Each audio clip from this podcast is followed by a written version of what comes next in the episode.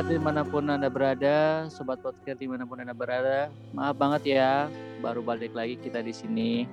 Mungkin karena kesibukan masing-masing, mungkin bisa juga karena banyak kejadian-kejadian yang memang kita uh, agak tersendat. Ya susah juga sih mengumpulkan empat orang yang sibuk ini. Ada juga yang sibuk banget, ada yang nganggur banget sampai pusing. Atur jadwalnya gimana? Sorry banget ya teman-teman podcast baru bisa lagi kumpul. Uh, di sini masih sama gue Reza. Uh, ada teman gue juga, Sal. Sal. Oh, Isal di sini. Oh. Ada dua perempuan di sini yang masih single, masih mencari jodoh. Ada Fanny. Halo. Halo. Ada Vika. Tahu loh mencari jodoh. Iya, ya. emang ajang ya. Ya mungkin kalau ada teman-teman sobat podcast yang tertarik bisa kirim CV-nya ke DM di IG. Gak Nanti usah, mungkin bisa berdua pertimbangkan. usah lah ya. Nah, langsung daftar di Google Form ya. Oh iya, bisa juga di link ke sudah tersedia. apa nih Za? Kenapa kita ada podcast lagi mau ngomong tentang apa sih? Hmm, ini kayaknya ada yang kayaknya kita pengen ngomongin sesuatu lagi nih ya. Uh, hmm. Kebetulan kalian uh, dengar nggak kalau Indonesia ini katanya mau resesi? Tahu nggak sih resesi wow. apaan? apa tuh resesi? apa? Jangan tanyakan padaku definisi. ya pokoknya tentang ekonomi lah ya. Nanti kalau kita yang bahas kita kan uh, dibilang so tahu lagi. Mendingan nah, kita bahas sih lu katanya yang... tanya. ya gue nanya tapi nggak ada yang tahu gimana mau mau bisa diskusi ini. Kedengarannya sih itu kata-kata negatif ya. Ya, pokoknya iya. iya benar benar. Sepertinya terjun ke bawah ya. Apanya? Apanya? Ekonomi. Sepertinya uh, uh, keuangan negara sedang tidak baik-baik saja. Begitupun juga mungkin keuangan pribadi teman-teman semua mungkin ada yang sedang tidak baik-baik saja atau ada yang justru itu. mendapatkan justru ada mendapatkan bonus-bonus atau enggak rezeki tidak terduga. Nah, di sinilah kita kayaknya mau ngomongin tentang manajemen keuangan nih kayaknya cocok deh buat kalangan milenial yang sekarang kadang eh, kadang-kadang mungkin mungkin zaman mungkin dulu kalau zaman dulu mungkin nggak milenial itu atau anak-anak muda itu jarang kali ya megang duit banyak sekarang kayaknya wow kayaknya udah biasa banget kalau ada milenial yang eksekutif muda mungkin banyak banget kali ya di kalangan-kalangan uh, uh, milenial zaman sekarang benar gak sih Iya sih. Sekarang anak-anak muda duitnya udah banyak. HP-nya aja udah iPhone boba kan. Bener. mewah. Tapi, mewah. Tapi antara memang banyak uang kelihatannya atau ternyata memang gak ada duit sebetulnya ya? Nah itu. Nah, Apakah itu, itu hanya ditunjukkan atau emang sebenarnya mereka banyak duitnya? Hmm. Ih, kan lagi lagi ini juga tuh viral di TikTok apa di IG gitu. Tau gak sih? Mantap Aku anak bukan anak TikTok.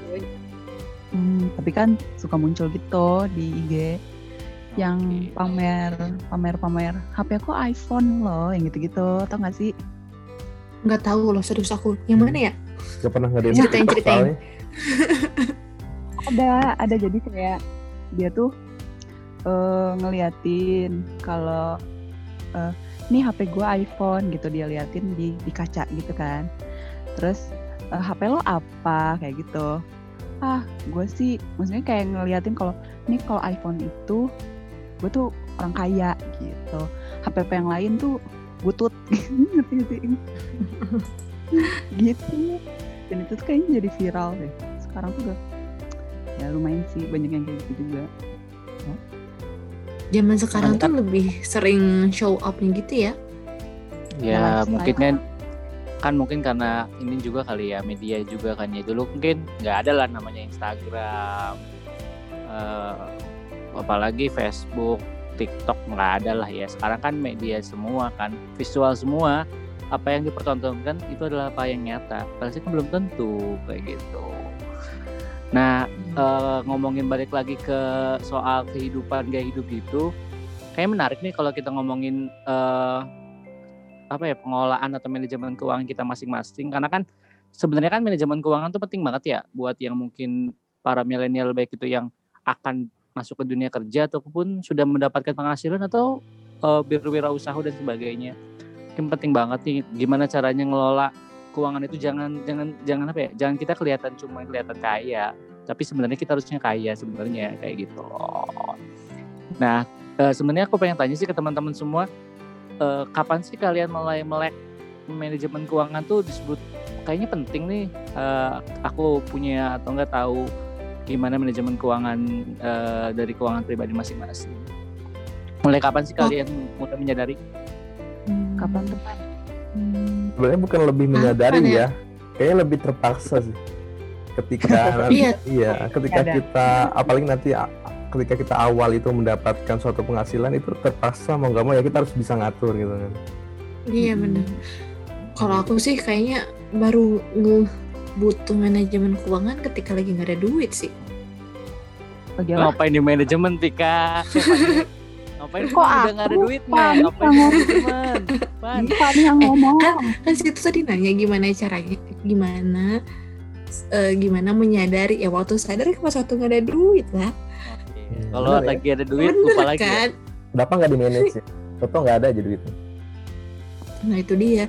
Kalau dulu sih kayaknya kan kita kayak nyari uang tuh masih bergantung juga kan sama orang tua apalagi waktu kuliah terus ketika fresh graduate baru lah nyobain proyek sana proyek sini baru dapat berapa berapanya kan nggak satu gaji full yang harus diatur kita semua gitu nggak sih? Uh, kalau aku sih uh, mulai manage keuangan tuh setelah kuliah sih karena kan kuliah waktu itu ngerantau ya jadi kan memang uh, penghasilan waktu itu kan mungkin hanya dari orang tua dan juga mungkin beasiswa dan itu nggak seberapa. Jadi gue harus jadi kau harus nge-manage keuangan yang kayak kebutuhan pokok itu berapa kebutuhan kuliah itu berapa membuat main itu berapa. Sebenarnya belum belum ke arah pembagian aku tahu berapa persen berapa persen sih. Cuman hmm. setidaknya uang segitu cukup gitu jatuhnya. Mungkin di situ sih mulai menyadari pentingnya manajemen keuangan karena pertama-tama masuk kuliah itu kan mungkin masuk SMA kan masih manja-manja gimana gitu ya. Jadi segala ada karena di rumah kan udah tersedia jadi nggak takut uang habis ketika lagi main di luar dan sebagainya. Nah kalau pas kuliah itu kayak wow jauh dari orang tua eh, nggak uh, punya sumber keuangan yang pasti. Jadi kayak saatnya kayaknya harus memanage keuangan deh kayaknya. Setidaknya bertahan dari bulan ke bulan. Hmm. ya dari Vika gimana sama-sama dari aku juga gitu. Kalau aku pribadi kan masih tinggal sama orang tua ya, cuman mulai melek tentang keuangan itu ya pas uh, setelah kerja gitu, pas fresh graduate, dapat gaji pertama gitu. Terus mulai nih bagi-bagi, oh ini buat uh, kehidupan sehari-hari misalkan akomodasi, itu kan, transport, terus makan dan lain-lain. Terus nanti uh, berapa persennya ditabung gitu. Terus sisanya buat main kayak gitu-gitu sih sama kayak Reza. Kalau kalian gimana? Sebetulnya kayaknya kalau aku sih pas waktu peralihan deh antara waktu pas dari kuliah terus ke uh, mencari kerja lebih melek banget. Karena sebetulnya kalau waktu pas kuliah emang sih udah dikasih maksudnya dikasih uang plot untuk segini untuk aturan sana aturan sini tapi masih belum masih tetap ada atau masih ada harapan gitu loh kayak uh, oh bergantung sama orang tua gitu. Cuman pas waktu ke antara kayak fresh uh, fresh graduate lulus tapi belum kerja kan kayak lulus nggak punya duit terus mau minta uang ke orang tua tuh kayak nanggung gitu status belum punya pekerjaan terus ya cuman ikutan proyekan-proyekan yang nggak yang nggak seberapa gitu uh, baru di situ kayak baru mikir untuk kayaknya perlu deh untuk saving lebih kalau dulu pas waktu kuliah nggak kepikiran ya buat saving buat ini buat itu cuman pas satu untuk pas di peralihan itu langsung baru mikir kayak kayaknya harus butuh saving deh baru bisa beli ini baru bisa beli itu buat pergi ini pergi itu Soalnya gimana sih kalau kamu Sal? Oh, jadi kalau Fanny mah Fan, kemiskinan mengajarkanmu manajemen keuangan ya Wan? Oh tentu. Eh pasti pasti setiap orang kayak gitu kali. Maksudnya kayak. Oh, Hah? Apa? Oh tidak. ya mungkin kalau untuk seberapa anda. untuk seberapa orang yang memiliki uang banyak dan lain-lain gitu kan ya mungkin bisa aja kalau aku kan memang pada posisinya sama kayak Vika kan pulang pergi untuk uh, ke apa ke maksudnya satu masih satu rumah dengan keluarga gitu. Cuman kan untuk beberapa kondisi pun waktu ya sama lah kayak waktu kuliah tuh nggak bu, uh, bukan berarti tidak tinggal dengan keluarga uang ini itu segala macam enggak. Bahkan kita mungkin dikasih uang jajan doang tok untuk segitu gitu. Nggak bisa saving berapa belum transportasinya belum apa-apanya.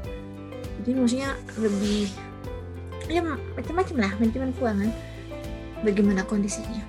Kalau Isal gimana Sal? Tadi teh? Um, mulai sadarnya kan ya ketika memang dikasih uang bulanan gitu ya. Tapi ya dari awal sudah belajar sih bagaimana planning. Tapi yang memberatkan itu ke soal manajemen keuangan itu adalah meng, meng apa ya memonitoring. Memonitoring pengeluaran ke mana aja gitu. Kadang ya masih ya masih muda lah ya jadi masih belum bisa mengontrol gitu masih ada hasrat untuk ya memanfaatkan suatu uang itu untuk ke untuk suatu hal yang fun gitu wow Aku tahu sal solusinya. Apa Pakai Genius. Genius ada uh, fitur yaitu mempunyai rekapan data apa saja yang kita keluarkan. Sorry, lu Genius, nah? Bentar, dia lagi iklan atau gimana nih tuh? Sponsor dong, sponsor Genius masuk kayak bisa kali. Oh, kenapa ada di podcast? Salah masuk ke rumah. Aduh, aduh. Tapi emang sih kadang-kadang kalau kita nggak punya manajemen keuangan tuh kadang-kadang ada aja pengeluaran-pengeluaran yang nggak kita duga ya, dan itu sama sekali nggak nggak bisa kita rekap. Tiba-tiba pas akhir bulan udah habis aja kan uang. Iya Pak, mau nanya dong, pas kalian uh, kerja tuh kan dapat gaji bulanan, itu tuh hmm. um, apa sih maksudnya? Kayak aman-aman aja atau sempat boros banget gitu nggak sih? karena nggak sih ada dapat gaji bulanan tapi ngerasa kok kayak nggak punya duit? gitu. Hmm, sampai saat ini sih mas nggak pernah kayak gitu sih Fik. Alhamdulillah kalau di kondisi karena, ya nah sob Fani dulu. Gimana Fan? Kalau aku sih ya alhamdulillah yang nggak pernah sampai kayak gitu. Karena memang tadi udah dipot-potin juga terus orangnya nggak konsumtif banget. Jadi uh, meskipun pada dasarnya konsumtif tapi ada batasan gitu loh. Kayaknya bulan ini segini deh untuk konsumtifnya segini. Buat makan segini terus buat transport segini dan sekali jadi dalam satu bulan aku harus ada saving. Jadi misalkan hmm, sepertiganya dari gajiku ataupun apa itu pun udah neto. Oh, bukannya bruto. Oh, gimana sih di rumah tadi? Ya kalau dari saya sih kayak misalnya kita dapat nih gaji di awal ya itu langsung diplotin gitu. Kita langsung sisihin buat ya pengeluaran yang fix gitu. Kayak misalnya tempat tinggal biaya tempat tinggal terus makan yang udah fix kita mau beli beras atau apa gitu kan sama yang tentu yang penting itu zakat sodako ya, itu harus langsung disisihin dari awal tuh. karena kan eh, rezeki itu ya tergantung kita dari bisa meningkat ketika kita bersyukur kan. Bersyukurlah maka akan ditambah nikmatnya. Maka dari itu kita ya bersyukurnya dengan sedekah dengan membayar zakat yang wajibnya juga. Jadi itu di sini awal bukan nanti di akhir ketika duit udah habis terus ngasih seadanya. Masya allah. Oh, masya allah jamaah jadi adem gitu nggak kayak reja yeah. manas iya mana sih aku mulu lagi dia tadi dari tadi Oh iya, uh, kalau kalau kamu dulu Devik gimana? Hah, apaan? Yang kamu tanyain sendiri. Gaji pertama. Apa? Apa, Pak? Gaji pertama. Aku sih gaji pertama aman-aman aja. Cuman pas pertengahan tuh pertengahan-pertengahan sempet kayak acak-acakan karena ngerasa ah tenang uh, bulan depan juga ada uang gitu. Eh taunya tuh jadi kebablasan gitu loh. Tapi dari situ kayak mulai belajar kalau oh kayaknya uangnya harus segini segini segini deh gitu. Jadi ada aku belajarnya step by step gitu kalau aku kalau Reza uh, kalau kalau aku sendiri sebenarnya agak agak ini ya agak unik jadi uh, sebenarnya kan kalau dalam kepribadian dalam manajemen keuangan itu ada beberapa kepribadiannya yang aku tahu juga. Nah, ada dominan, influence, steadiness sama consistency. Nah, pas awal gaji itu aku dominan banget soalnya aku ngerasa bahwa pas dapat gaji yang sebelumnya nggak nggak punya apa ya pegangan dan cuma dikasih beberapa aja terus tiba-tiba punya dapat gaji dan itu cukup tinggi bagiku ya udah aku lakuin apa yang aku pengenin. Aku pengen beli ini aku pengen pergi ke sini aku pengen uh, makan ini dan sebagainya. Dan toh itu kebablasan satu tahun deh. Pas satu tahun tiba-tiba pas lihat tabungan kok nggak punya tabungan ya sama sekali? Investasi kok nggak ada sama sekali ya? Jadi kayak what the hell miskin apa yang itu Zat, tandanya gitu. miskin. Miskin tandanya itu. Eh tapi aku investasi ke hal yang lain maksudku jadi aku investasi ke teman aku investasi uh, pengalaman dan sebagainya Nah, tapi yang bikin aku strict tuh ya aku pengen investasi yang lebih dalam bentuk uh, barang dan aku mungkin mencoba untuk mepres dominan si apa yang aku pengen apa uh, sifat dari dominan diri aku sih. Makanya untuk uh, tahun-tahun selanjutnya aku agak konstituensi sifatnya. Jadi kayak kalau aku pengennya ini harganya segini harus gitu. Jadi kalau pengeluarannya segini udah tentuin ya harus segini. Gak bisa kurang, gak bisa lebih. Uh, jadi aku udah bener-bener uh, kekeh harus gitu jadi jadi kayak nggak mau itu dipengaruhi sama orang mau itu keinginan aku secara dorongan tinggi aku nggak goyah sama sekali kalau untuk sekarang jadi memang uh, aku udah diplotin kayak gitu karena menurut aku itu yang terbaik jadinya kok ngerasain sih beberapa uh, tabungan aku akhir-akhir ini kok sekarang udah ada ya gitu. Jadi ya memang kadang-kadang perlu sih dominan sedikit kalian teh biar ngerasain nikmatnya membuang-buang uang. Benar. Tapi itu ada masanya dulu di awal. Ada masanya. Sampai sadar. Ya sampai sadar udah sadar baru stop gitu. stop kayak ya, betul setuju banget setuju banget setuju banget jangan miskin terus lah capek tapi banyak loh tapi banyak loh yang uh, terus-terusan gitu loh nggak bisa stop gitu nggak sih tapi ya belum sadar berarti sih berarti hmm, belum sadar aku merasa sih memang ada masanya loh yang kayak begitu. Kalau cewek sih biasanya pengen beli make up ini make up itu nyobain lipstick ini lipstick itu. Kalau cowok mungkin game sana game ini sepatu sana hmm. kaos sana kaos sini. Nah itu yang lo omongin tuh lagi diam aja sekarang orangnya nggak ngomong-ngomong. Siapa ya? Oh, orang di luar sana ya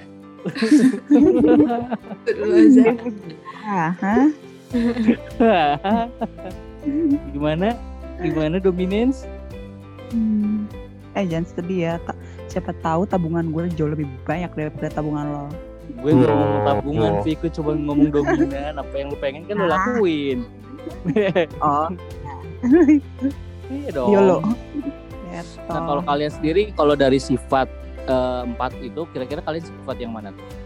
Emang ada apa aja ada dominan dominan tuh kayak terlalu apa ya dia keinginan pribadi itu lebih menguasai. Kalau influence yang kedua itu influence. Influence itu kayak gampang terpengaruh oleh ujuk rayu orang lain sponsorship diskon dan sebagainya. Kayak orang lain beli ini kalian ikut ini. Tren ini kalian ikut ini. Atau status status tuh kayak orang yang apa ya yang sabar deh. Pasti suatu saat pasti kembali tapi karena saking sabarnya kadang-kadang diskon lewat kesempatan lewat ini lewat gitu. Atau enggak konstituen konstituen tuh ya kalian berpikir kritis udah analitis dan kekeh harusnya ini ini kayak gitu. Nggak bisa digoyahin sama sekali.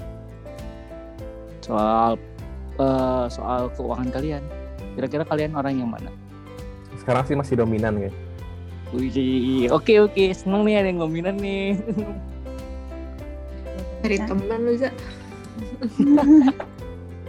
Lu kan yang terakhir Za Iya sekarang, dulu kan gue dominan dan nikmat tahu setahun itu. Setelah setahunnya aja iya. bingung. Kalau aku sih lebih kayak ya udah dulu tuh uh, kalau misalnya ada waktu, ada temen, terus ada uangnya juga, kenapa enggak gitu. Karena aku mikirnya kalau misalkan ditunda-tunda terus, malah nantinya ujung-ujung nggak akan ada gitu. Kayak misalkan lu punya duit, tapi lu nggak punya waktu lu punya waktu tapi lu nggak punya teman kayak gitu-gitu Jadi punya duit, punya waktu, pas, lu nggak punya umur. itu bisa di banget. Jadi waktu itu puas-puasin aja dulu gitu. Waktu itu ada uang, ada temen, ada waktu, ya kenapa enggak gitu. Kalau sekarang yang mana, Fik? Kalau sekarang eh, nggak uh, ada duit, gimana dong? ada waktu. Kasih, Zak, kasih. Jadi saran buat teman-teman podcast gimana, Zak? Kalau saran aku sih emang nggak ada yang bener nggak ada yang jelek ya, cuma sesuai aja dengan dengan pendapatan kalian, dengan kebutuhan kalian, sama kondisi kalian sih jatuhnya. Ini kan terkait dengan kondisi psikologis kalian juga. Jadi ya kalau emang orangnya dominasi ya jangan ditahan-tahan kalau pengen sesuatu. Karena ya bisa jadi karena dominasi itu kalian ya rezekinya terus ngalir, kesempatan terus ngalir, terus dibuka. Kayak itu. Tapi nggak salah juga bagi orang-orang yang sadness atau bersabar. Uh, mungkin cara itu yang paling benar sama kalian Soalnya kalau misalkan kalian jadi orang yang dominan, kalian bakalan milihnya bukan milih kebutuhan kalian, tapi lebih ke arah keinginan. Oh, kalau aku kombinasi dari semuanya loh, gak ada yang dominan. Wah, lu mah emang gak labil, lu mah gak jelas lu kan. eh, stabil loh, bukan labil, harus stabil. Kok jadi labil? Kan kalau kalau ternyata dominasi nggak ada dominasi berarti stabil dong. Kalau ternyata memang butuh ini dan ternyata harus ke, ke itu ternyata penting ya harus dibeli tapi kalau ternyata terkait dengan uh, influencer dan lain-lain nggak penting ya udah nggak usah diturutin itu kan ekonomis berarti kan stabil bukan dinamis ya Fik? Iya. Oke, Apa? jadi Van ini bikin ini ya, bikin bikin teori baru ya Van, stabil ya. Tapi nggak pakai lo ya penelitian. Oh, cari harus, aman. harus penelitian dulu. Oh, oke okay. thanks banget ya. Za sarannya ya. Semoga kita yang maksudnya kita sendiri yang ngobrol di sini ya bisa nerapin hal itu gitu ya ilmu itu. Jangan sampai kita ya terlena ya tapi juga harus berpikir kritis. Benar-benar benar tapi okay. memang sebenarnya dominan atau enggaknya itu memang dilihat dari usia nggak sih? Dan psikologis kan ya lingkungan juga bisa kan? Psikologis ya, lingkungan dan lain-lain. Karena kan hmm, sesuai dengan umurnya mereka gitu. Kalau umurnya lagi ABG kan pengennya ngikutin sesuatu seseorang yang mereka suka gitu. Ya bisa aja dia nurutin influencer tapi lama kelamaan ya berproses sih. Dia yang biasanya jadi dominan pengen ini itu bisa jadi influencer terus bisa jadi bersabar terus akhirnya bisa secara bijak untuk manajemen keuangannya sendiri kan tapi dominnya juga bijak Van dia Bisa menghargai jadi. uangnya. Menghargai uang. Terus menghargai uang sampai habis. Oke okay, okay, teman-teman. Oke okay, teman-teman podcast ya. Thanks banget udah dengerin kita. Jadi manajemen keuangan tuh nggak ada yang paling benar nggak ada yang paling salah. Semuanya baik semuanya benar. Asal ingat uh, jangan besar pasak daripada tiang. Oke okay, semuanya. Uh, sampai ketemu uh. lagi di podcast selanjutnya. Bye. Bye bye, bye.